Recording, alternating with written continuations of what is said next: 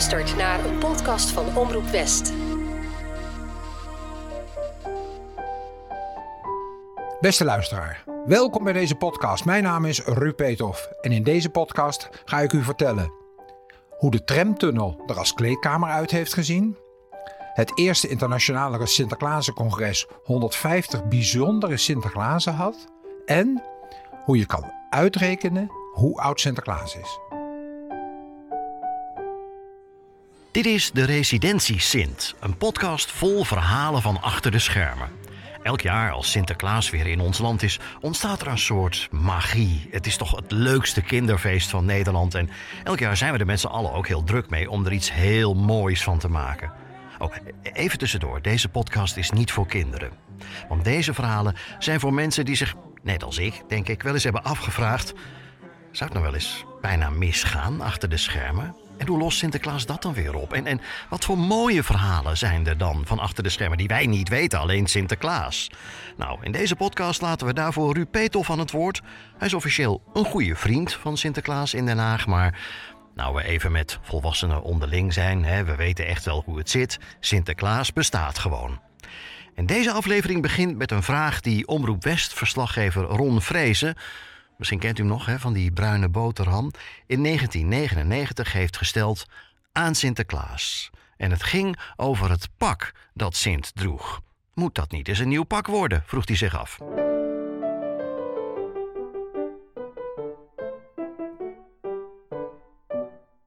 Sinterklaas. We staan aan de vooravond van een nieuw millennium. En het wordt tijd dat u eens een keer een ander pak krijgt. U komt nu al jaren, eeuwen aan met datzelfde rode pak, die tabbert, die oude meiter.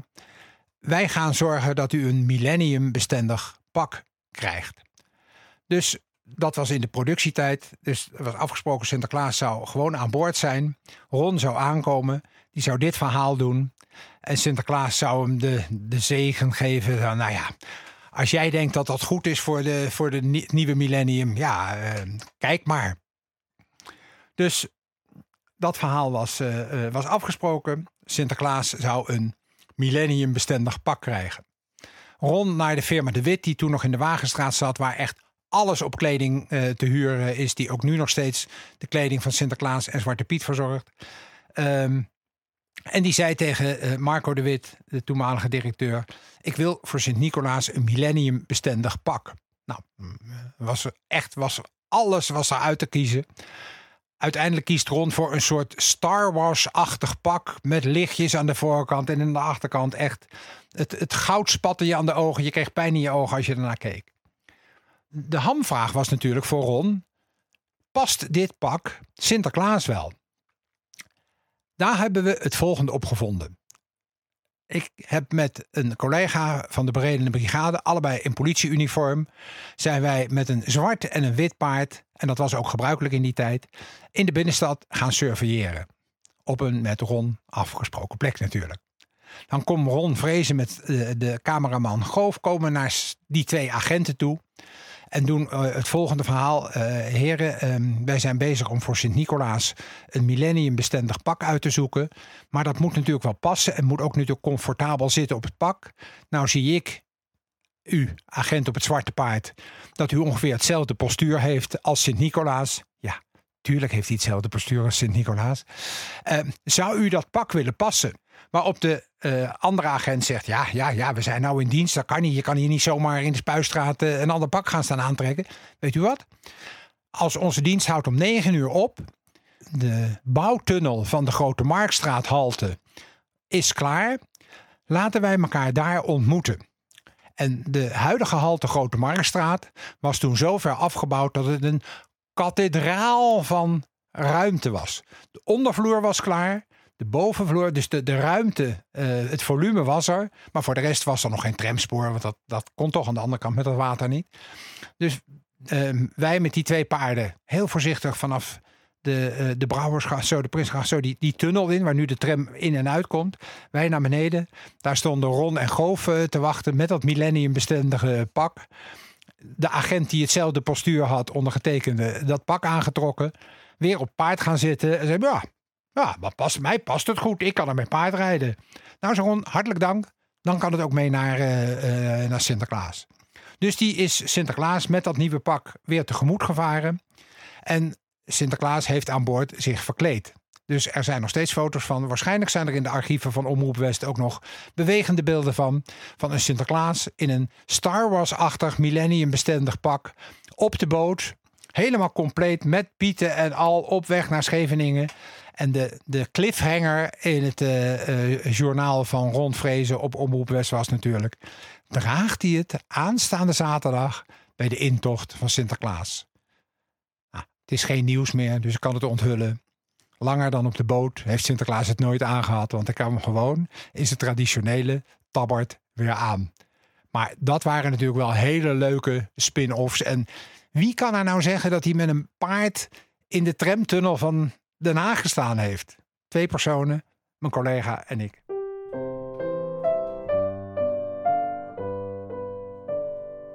Ja, omdat Sinterklaas zo'n begrip in Nederland is en dus ook vaak voor andere leuke dingen uh, gebruikt wordt, uh, zeg ik het even. Dat schiet me nu ineens te binnen. Ik heb het net hebben we het over de paarden gehad in de vorige aflevering. En Sinterklaas heeft ook nog eens een keer op een zwart paard gezeten. De toenmalige organisator, het Algemeen Haags Comité, dreigde in financiële nood te komen en wilde bij de gemeente Den Haag een statement maken. Ook in de Sinterklaasperiode natuurlijk dat die hadden bedacht dat Sint-Nicolaas zou een keer naar de gemeenteraad gaan of naar het college op een zwart paard. Nou, dat was ook zo'n paard waarvan het paard eigenlijk dacht. Hmm, is niet zo'n erg geschikte combinatie. In die periode zat de firma Spreksel in de Riauwstraat, waar Sinterklaas altijd zijn haarwerk uh, liet doen. En ergens uh, in de periode van Sinterklaas uh, was daar dus eh, Sinterklaas naar uh, de firma Spreksel gegaan. Keurig netjes, goed gekamd haar, goed gesminkt allemaal. En dat paard stond buiten, ook een paard van de beredenen. Hartstikke mooi zwart paard, heette ook Blackie. Maar hij vond het niet echt een succes. Uiteindelijk was dat een minder rampzalig dan paard waar ik eerder over sprak op de bult. Dus dit ging wel nou, met een zwart paard naar, naar de, de, de protestbijeenkomst toe... waar we de gemeenteraad uh, waarschijnlijk uh, chocoladegeld hebben uitgediend. Van dit moet u dan in ware klinkende munt wel aan het Algemeen Haags Comité geven. Waar, want anders ja, stort de evenementenmarkt in Den Haag in. Zo zijn er meerdere uitjes geweest, meerdere bijzonderheden van Sinterklaas. En één die daar wel met kop en schouders bovenuit steekt, is het volgende. Het is 2001, ik ben op vakantie op Kreta en ik word gebeld met de vraag of ik op 26 augustus uh, eh, 2001 als uh, de echte Sint-Nicolaas een bijdrage wil leveren aan het eerste internationale Sinterklaascongres. Uh, er was eerst contact geweest met Bram en die zei, nou ja, dat ga ik niet doen. Bel de Sinterklaas in Den Haag maar. Dat is een goede plaatsvervanger. misschien dat die wel wil. Dus de vraag was, Sint-Nicolaas, wilt u op zondag 26 augustus in het Hilton Hotel verschijnen, waar het eerste internationale Sinterklaascongres gehouden gaat worden. En wat was nou het eerste Sinterklaas, internationale Sinterklaascongres? Dat was een, een big event van een uh, reclameman, Lucas Mol. Ik ben nog steeds bevriend met hem. Die zichzelf vanuit het reclamebureau waar hij werkte los wilde maken. En grote buiten-events, reclame-events wilde organiseren. Uh, daar het eerste, een groot vriend van Sinterklaas is en daarvoor het eerste internationale Sinterklaascongres uh, wilde organiseren. Moest een goed doel aan zitten. Dus iedereen, elke reclamevriend van hem die mee moest, moest een behoorlijk bedrag inleggen. Want daar moest het goede doel van betaald worden. Voor alle hulp Sinterklaasen die daar waren, waren pakken en baarden gehuurd.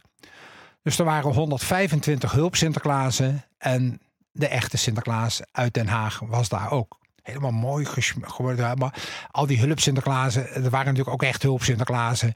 Er liepen vrouwen tussen met mooie open schoenen, met gelakte nagels. En mannelijke Sinterklaasen die daar uh, met een keurige broek in de vouw. Allemaal, allemaal hele leuke, veelal jonge reclamejuppen die daar en geld voor over hadden.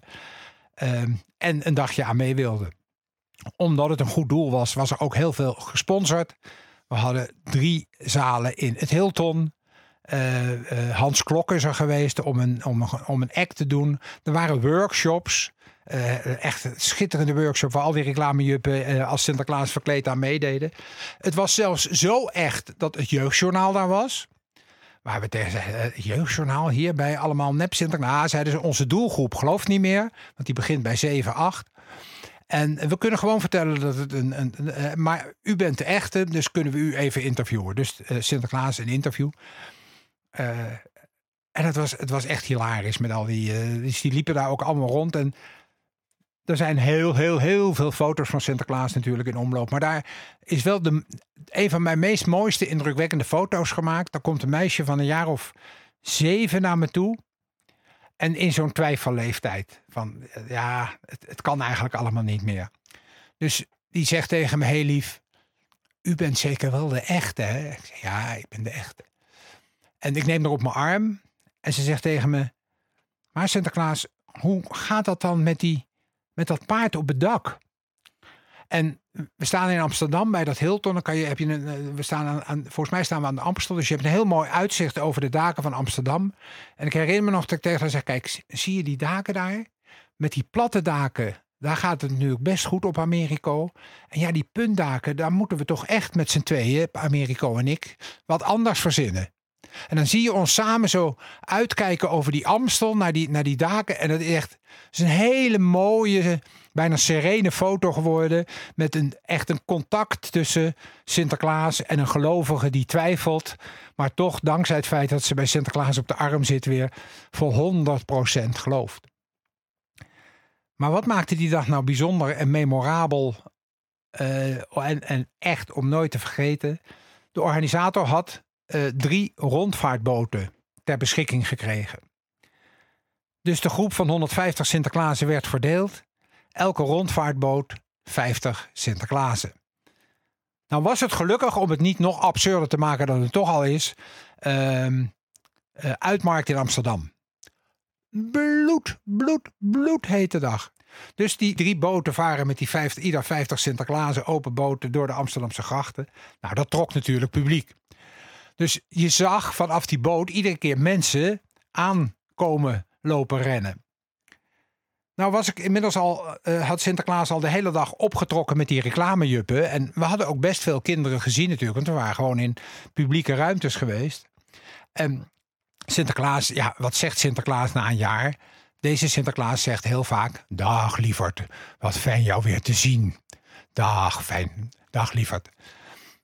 Een gegeven moment zegt een van die reclamejuppen tegen Sinterklaas: Sinterklaas, u zegt nou wel de hele tijd: Dag lieverd, fijn om je weer te zien. Maar zegt u ook nog wel eens wat anders? Waarop Sinterklaas zei: Ja, wat hij ook nog wel eens vertelt is: eh, na een jaar, je hebt zo'n kind een jaar lang niet gezien. Je weet nog dat je ze vorig jaar ook gezien hebt. Dus wat het altijd heel goed doet bij die kinderen is: Wat ben jij groot geworden? Dag lieve schat, wat ben jij groot geworden? Oh ja, nou dat had hij onthouden. Stel je het volgende beeld voor. Drie rondvaartboten met ieder 50 Sinterklaasen. Een prachtige zonnige dag met veel publiek aan de wallenkanten. Op een bepaald moment komen er twee meiden van ergens in de twintig in leuke zomerjurkjes die de eerste boot zien naar de kant van de gracht toe rennen om van de tweede boot een foto te maken. Waarop een van de reclamejuppen die die meiden in het oog kreeg en gedachtig de woorden van Sint-Nicolaas naar ze toe riep. Dag, lieverds, wat zijn ze groot geworden. Op dat moment zag je 50 Sinterklaasen brullend van de lach onder dek verdwijnen. Hoe de dames het zelf gevonden hebben anno 2001, ik heb geen idee. Maar toen was het ons in ieder geval een heel leuk, bijzonder uitje. Met die ontmoetingen met Ron Vrezer was er dus een mogelijkheid om eerder foto's te maken van Sinterklaas op weg naar Nederland. Daar zijn eerder fotografen mee geweest, die maakten echt hele mooie, bijzondere foto's. En ja, dan krijg je zo'n moment na een drie, vier, vijf jaar heb je zoveel foto's die nog nooit ergens Wanneer? Er was nog nooit een foto geweest van een schoelbakkende Sinterklaas. Uh, Sinterklaas is ook wel eens een keer met de, met de Minerva aangekomen. De Minerva heeft zo'n zo'n spriet aan de voorkant waar een net onder zit. Omdat uh, daar heeft Sinterklaas ook wel eens ingelegen in een vlaag van balorigheid. Daar zijn foto's van. Dus op een gegeven moment waren er zoveel bijzondere foto's van Sinterklaas in Spanje, zogenaamd, en onderweg. Dat ja, dan krijg je de behoefte als fotograaf om daar iets mee te doen. Maar ja, dan moet je ook nog een uitgever uh, vinden. En in het kader van wat doet Sinterklaas nou in Nederland, waren we uh, bij Paagman aan de Frederik Hendriklaan. Daar zat Sint-Nicolaas een kop koffie te drinken aan de uh, uh, leestafel. En het geluk was toen dat Fabian en Nadine, de huidige eigenaren van Paagman, waren er. En vader Paagman was er. En vader Paagman was aan zijn tweede relatie bezig en had in die periode net kinderen in de gelovige leeftijd. Hij woont nu uh, in Canada en fokt Friese paarden. Een, prachtige, uh, prachtig verhaal. Maar die zei tegen Fabian: Maak dat boekje.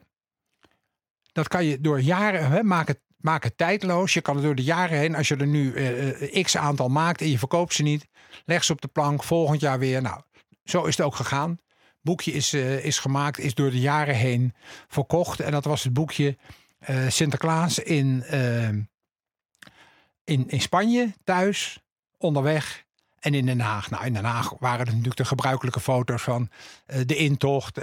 maar Sinterklaas had ook wel vrije tijd. Dus we zijn op de bowlingbaan geweest. Dus dat was een hele. Wat doet Sinterklaas thuis? Nou, Sinterklaas heeft een tuin. Sinterklaas heeft een hond. Dus dat boekje, het, uh, het is nu nog een collectors item, omdat het waarschijnlijk alleen antiquarisch nog uh, te krijgen is. Had je dus een heel leuk beeld, een heel mooi klein, klein boekje van Sinterklaas in Spanje, Sinterklaas onderweg, Schulend aan boord, slapend aan boord en Sinterklaas in Den Haag. Hoe kom ik nu op uh, Jochem van Gelder? De kindervriend van de televisie natuurlijk. Bekend van, van zijn praatprogramma's met kleuters precies de leeftijd van de doelgroep. Uh, die kwam op een gegeven moment bij uh, Michael van Hoornen, producent van kinderproducties tot 12 jaar, waar ik een warme band mee heb, goed bevriend mee ben en ook een aantal keren de rol van Sinterklaas voor gespeeld heb. Jochem komt met het, uh, met het idee om in de theaters een show te gaan maken met het grote Sinterview. Sinterklaas zou door langs de theaters van Nederland trekken. Kinderen konden dan bij de show komen, konden de vragen stellen die ze altijd al wilden stellen.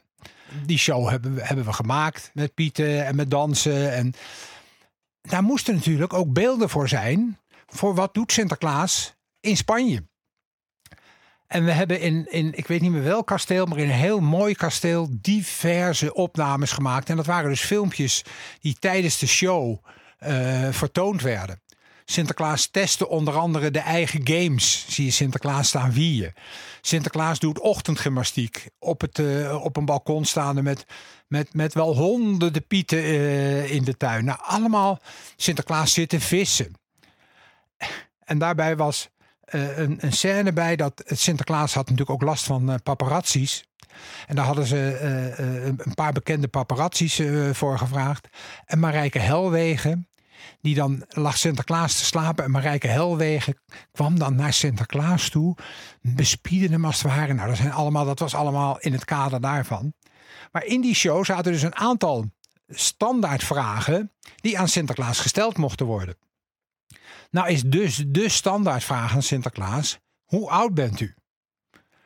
Waarop ik tegen Jochem zei: ja, we kunnen elk getal noemen wat we willen, maar de doelgroep snapt het toch niet het verschil tussen 7, 17 of 17 miljoen, daar hebben die kinderen geen beeld bij. We moeten dat op de een of andere manier voor 3, 4, 5, 6, 7-jarigen begrijpbaar maken. Wat hebben we toen verzonnen? Kinderen mochten, het kind kwam uit de zaal, die werd door de, door de Piet opgehaald, kwam bij Sinterklaas. En al dan niet ingefluisterd, stelde hij altijd wel een keer de goede vraag: Sint-Nicolaas, hoe oud bent u? Hoe oud ben jij? De vraag die het meest gesteld wordt. Ik snap wel dat En wat was dan het antwoord? En dat is tot op de dag van vandaag en uh, de komende jaren uh, nog steeds uh, mijn antwoord van Sint-Nicolaas aan dat kind. heel oud vind. Ken jij iemand die jij heel oud vindt? Jouw opa. En nou, vaak komen ze dan inderdaad met een opa of een oma of een oom of een tante. En weet jij ook ongeveer hoeveel jaar die is? 79. 79. Nou, sommigen weten dat wel. La- Laten we zeggen, dan zeggen ze eh 70. En dan gaat Sinterklaas altijd heel bedachtzaam zitten rekenen. Dan zegt hij, oh, dus jouw opa is 70. Dan moet jij wel zeven opa's op een rijtje hebben staan. En dat maal zijn leeftijd. Dan weet je ongeveer hoe oud Sinterklaas is. Dat Sinterklaas is negen keer zo oud als de opa van Nathan. Oh ja, zeggen ze dan allemaal. Want zeven opa's op een rijtje kunnen ze zich voorstellen. En dat die dan wel heel oud zijn, kunnen ze zich ook voorstellen. En of je nou op 120, 130, 300, maakt allemaal voor de. Ze hebben in ieder geval een idee. Je hebt ze serieus genomen, want je moet ze allemaal serieus nemen natuurlijk. En ze hebben een idee. Maar wat was nou de uitdaging voor Sinterklaas tijdens die theatershow? Dat op een gegeven moment gingen Jochem en de hoofdpiet met de microfoon de zaal in. En dan mochten ze zelf verzinnen wat ze als vraag wilden stellen. Dus dat was altijd mijn grote uitdaging. Kijk, 90% van de vragen, die weet je. Hè, paard, eh, allemaal over het paard, over de nootje, hoe, hoe, aan die pakjes. Allemaal normale antwoorden te geven. Maar er zat er op een gegeven moment één in de zaal en die stelde de vraag: Sint-Nicolaas, wat voor ondergoed draagt u? Waarop ik ter plekke het compleet nieuwe Spaanse merk Los Toros bedacht heb. Nou, lieve jongen, ik draag het ondergoed van het merk Los Toros. Dat is een heel bekend Spaans merk. Oh ja, Sinterklaas. Dus sinds die tijd, ik denk niet dat er ooit uh, hemden of broeken van maken, bestaat het ondergoedmerk Los Toros.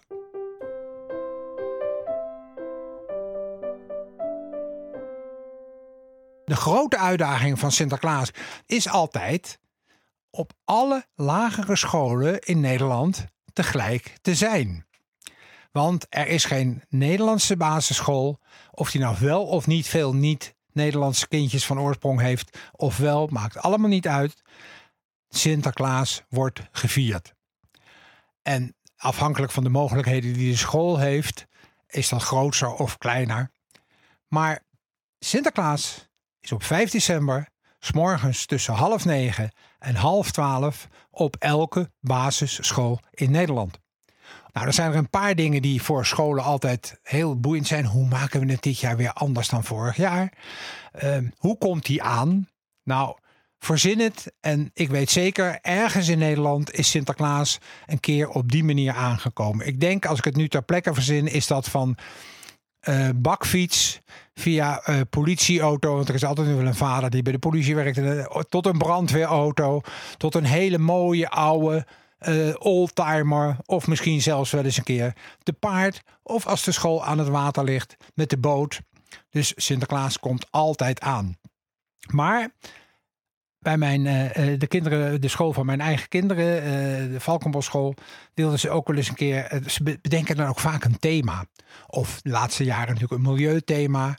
Maar het is een aantal keren gebeurd dat Sint-Nicolaas op school zou slapen. Nou, de ramp voor elke onderwijzer, maar goed, ze organiseren het zelf, dus ze zijn er zelf debet aan, is dat in de dagen voorafgaande de rommelpiet te komen. Sint-Nicolaas vraagt elk jaar: zijn de rommelpieten weer geweest? Zijn dus altijd weer geweest. Ik beloof elk jaar dat ik zal proberen om ze op te voeden. Maar dat hoort net zo goed bij de traditie van Sint-Nicolaas als het feit dat hij überhaupt komt. In de klas zijn een nacht de rommelpieten geweest. Staat een heleboel ondersteboven. Staan tekeningen uh, op het bord. Kortom, de klas is overhoop gehaald, want de rommelpieten zijn geweest. Maar deze Sinterklaas heeft een paar keer op een school geslapen hadden ze echt prachtig gedaan. Die school had een, had een hal. En daar hadden ze, een, hadden ze van tevoren al het bed van Sinterklaas neergezet. Want het verhaal was: Sinterklaas komt hier slapen op school. En dan werden al die kindjes op de speelplaats buiten verzameld. En hoorde het, het gezang altijd natuurlijk. En ze wisten: Sinterklaas sliep deze nacht op school. Nou, echt, ik heb er gelegen. Ik heb nog nooit, pak een beet, 400 kinderen zo muisstil langs het bed van een slapende Sinterklaas horen lopen. Want die werden buiten natuurlijk allemaal gezegd van Sinterklaas slaapt. Hij mag niet wakker worden. Dus heel zachtjes zijn. En in die hal splitste de bovenbouw en de onderbouw, die splitsten daar. En ik hoor ze nog stil zijn. Daar lag Sinterklaas dus in dat, mooie bed heerlijk te slapen. Hij, lag op een dusdanige manier dat ze niet dachten dat hij er niet meer was. Mijt eraf, slaapmuts op. Ooit heeft deze Sinterklaas een echte slaapmuts gekregen. Rood en eh, geel gebreid van een of andere enthousiaste ding met een mooie poem. Nou, die op. Dus Sinterklaas. En dan hoor je die kinderen heel zachtjes naar de klasse toe gaan.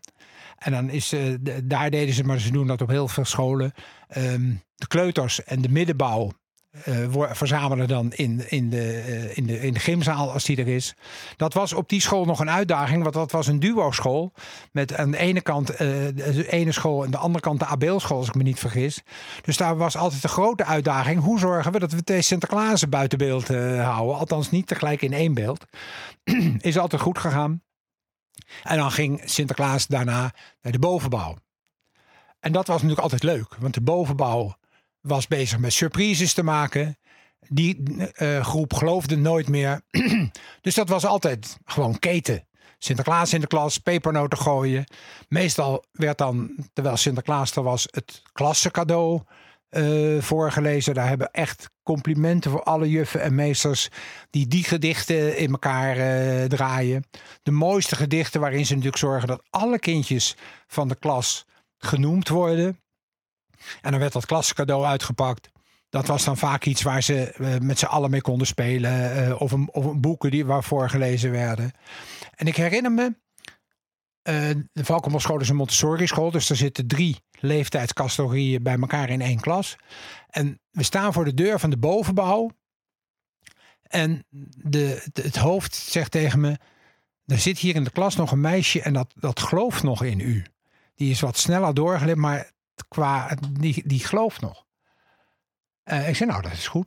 Dus, en het heeft echt indruk op me gemaakt. Dan zit je in zo'n klas met, met, met niet meer gelovige kinderen, waarvan er één nog wel gelooft. Die dan ook bij Sint-Nicolaas eh, kwam zitten. En wat me daar echt in geraakt heeft, is het feit dat die hele klas min of meer met ontzag, in ieder geval met eerbied, naar dat klasgenootje zat te kijken, wat nog geloofde. Kijk, je zou kunnen denken dat die leeftijd van 10, 11 jaar denkt, ja, dag, die gelooft nog, die is ook niet goed wijs. Nee, echt gewoon stil. Niemand zat er in de maling te nemen. Zij zat nog bij Sinterklaas heilig te geloven, eh, ondanks dat ze in de bovenbouw zat. En dat, dat vond ik zo typerend voor de manier waarop die school eh, daarmee omging. En ook zo typerend dat je ook op die leeftijd toch respect kan opbrengen voor iemand die ergens anders nog wel in gelooft, terwijl je dat zelf niet meer doet. Dus die, die scholen, dat is echt altijd eh, fantastisch. Slapen en Sinterklaas is trouwens ook wel een dingetje. Want ja, er worden natuurlijk ook commerciële dingen bedacht eh, rond Sinterklaas. En een aantal keren zijn er, met name waren dat hotels, die zich dus zelf gepromoveerd hadden tot de slaapplaats van Sint-Nicolaas.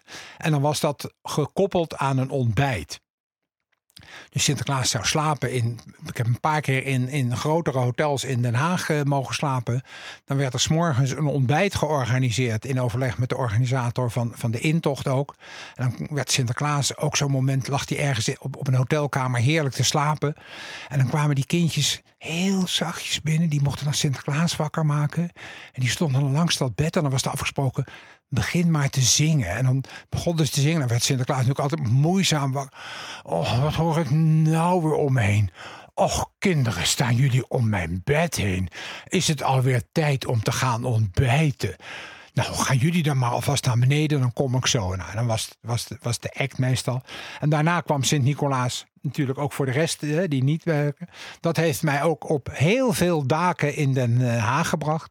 Ik herinner me dat eh, als dat feest in het Atlantic op Kijkduin was, dat wij altijd, Hoofdpiet en ik, daar op het dak verschenen. En dan stond die hele meute toen nog rond de, de muziektent die daar was. En dan was de grap natuurlijk altijd dat Sinterklaas zei: Zal ik naar beneden komen? Zo mimend, eh, wat altijd wel, wel goed ging. En Sinterklaas alsof hij over de reling wilde stappen. Dan hoorde je allemaal: Nee!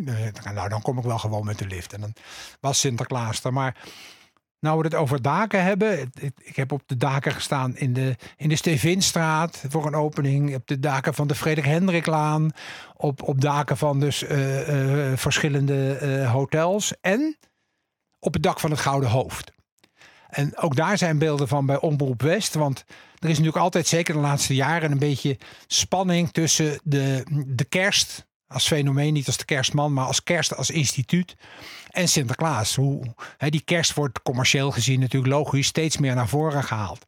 persoonlijk vind ik het helemaal niet zo'n probleem dat er al een kerstboom staat. Maar er was een jaar dat eh, het Gouden Hoofd had al heel. Tijdens de intocht van Sinterklaas stond er al een hele grote kerstboom op het einde eh, bij, naast het Gouden Hoofd. En daar, had, eh, daar waren mensen die zich daaraan gestoord hadden. Gebeurt altijd natuurlijk. Toen eh, zei, zei de redactie hier van nou, dan kunnen we daar kunnen we Sint-Nicolaas wel zijn ongenoegen laten blijken bij de eigenaren dat dat toch eigenlijk niet kan. Dus Sinterklaas, zijn schitterende foto's tegen een stralend blauwe hemel, boven op het dak. Ja, en dan moet je daar dus wel zien komen. Dus dat is helemaal achterlangs. Oh, met een trappetje van een balkon naar een platte dak. Van het platte dak naar het. en, gelukkig heb ik hoogtezorg en geen echte hoogtevrees. Dus daar stonden we, eh, Piet en Sint, boven op het dak. En contact gezocht. Kijk, Piet, wat zien we daar beneden? Nou, die, die kerstboom staan. Nou, dat kan niet hoor. Daar gaan we ze op aanspreken. Dus dan ging Sinterklaas weer helemaal naar beneden. Dus wat dat betreft hebben we heel, heb ik op heel veel daken gestaan. En er is één keer geweest. Kijk, Sinterklaas rijdt natuurlijk met een paard over het dak. En ik wilde heel graag een keer met Americo, met het paard, op een dak staan. Maar dat is natuurlijk zo goed als onmogelijk. Zelfs een heel goed politiedienstpaard krijg je niet in een lift. Zelfs een paard wat geen claustrofobie heeft, moet je niet in een lift willen zetten. Toen kwamen we op het lumineuze idee dat de parkeergarage in de Torenstraat een ramp heeft, een, een toerit naar het platte dak. Waar je dus met de auto op de bovenste laag kan komen. En daar dus ook lopend met een paard naartoe zou gaan. Dus we hebben op een avond georganiseerd dat Sint ging eh, shoppen in de binnenstad van Den Haag met het paard. Wij door de, de Spuistraat gelopen en door de Vlamingstraat. En persoonlijk heb ik wel iets met schaduwen. Dus op een gegeven moment kwamen we langs. Het is ook een prachtige foto geworden. Lopen we langs de, de muur van de, de, de grote kerk. Die, waar een hele strakke muur is. Waar een grote schijnwerper voor staat. En die een prachtig silhouet van dat paard en Sinterklaas met die mijter projecteert op die muur. Nou, wij van daaruit naar de Torenstraatgarage. Met dat paard keurig netjes. Ja, voor een paard maakt dat helemaal niet uit dat dat daar natuurlijk gewoon een beetje omhoog gaat. En het was inderdaad met de, met de Haagse toren op de achtergrond en de daken van de ZHB-hoven zo'n beetje op de achtergrond in die lichtjes. Was het inderdaad net of Sinterklaas met zijn paard op het dak staat, zoals het werkelijk in het verhaal ook moet zijn.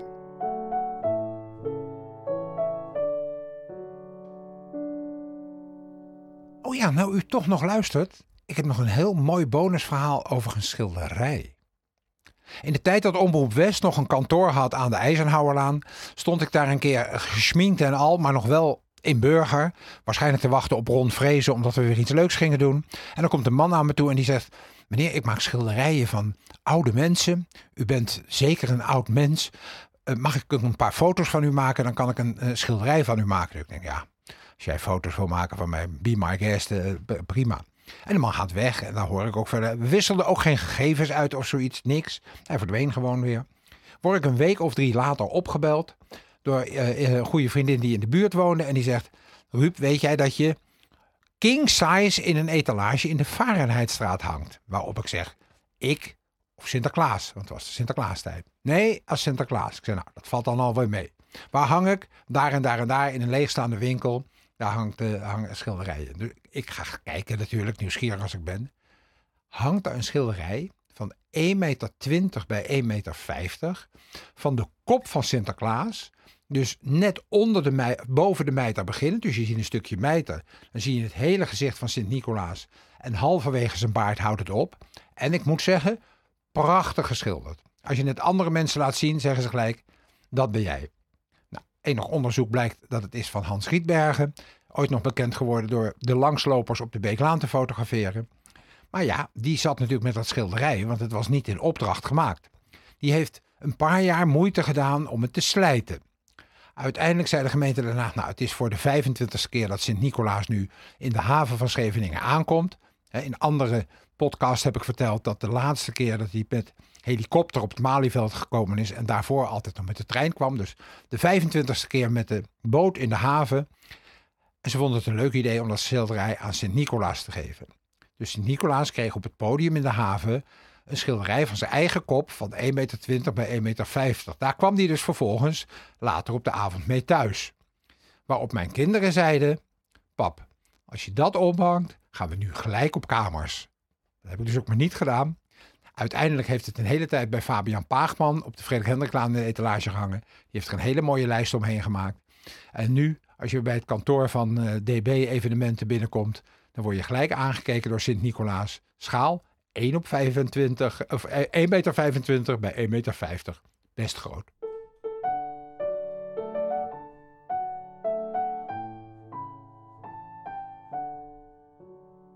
In de volgende aflevering van de Residentie Sint zorgt het paard van de Sint, dat die dag al heel veel wortels gegeten had, voor oranje haar bij prinses Amalia. En wat doet Americo? Die doet zijn hoofd naar beneden, vlak boven die blonde krullen van Amalia en die doet... Meer hierover en andere verhalen in aflevering 4. Abonneer je nu vast even op de serie, dan komen nieuwe afleveringen vanzelf in je podcast-app. Je kunt ook deze podcast een rating of een review geven. Dat vindt Sinterklaas heel fijn. Vind ik eigenlijk al reden genoeg om het te doen, maar het helpt ook om de podcast beter vindbaar te maken voor andere luisteraars. Bedankt voor het luisteren.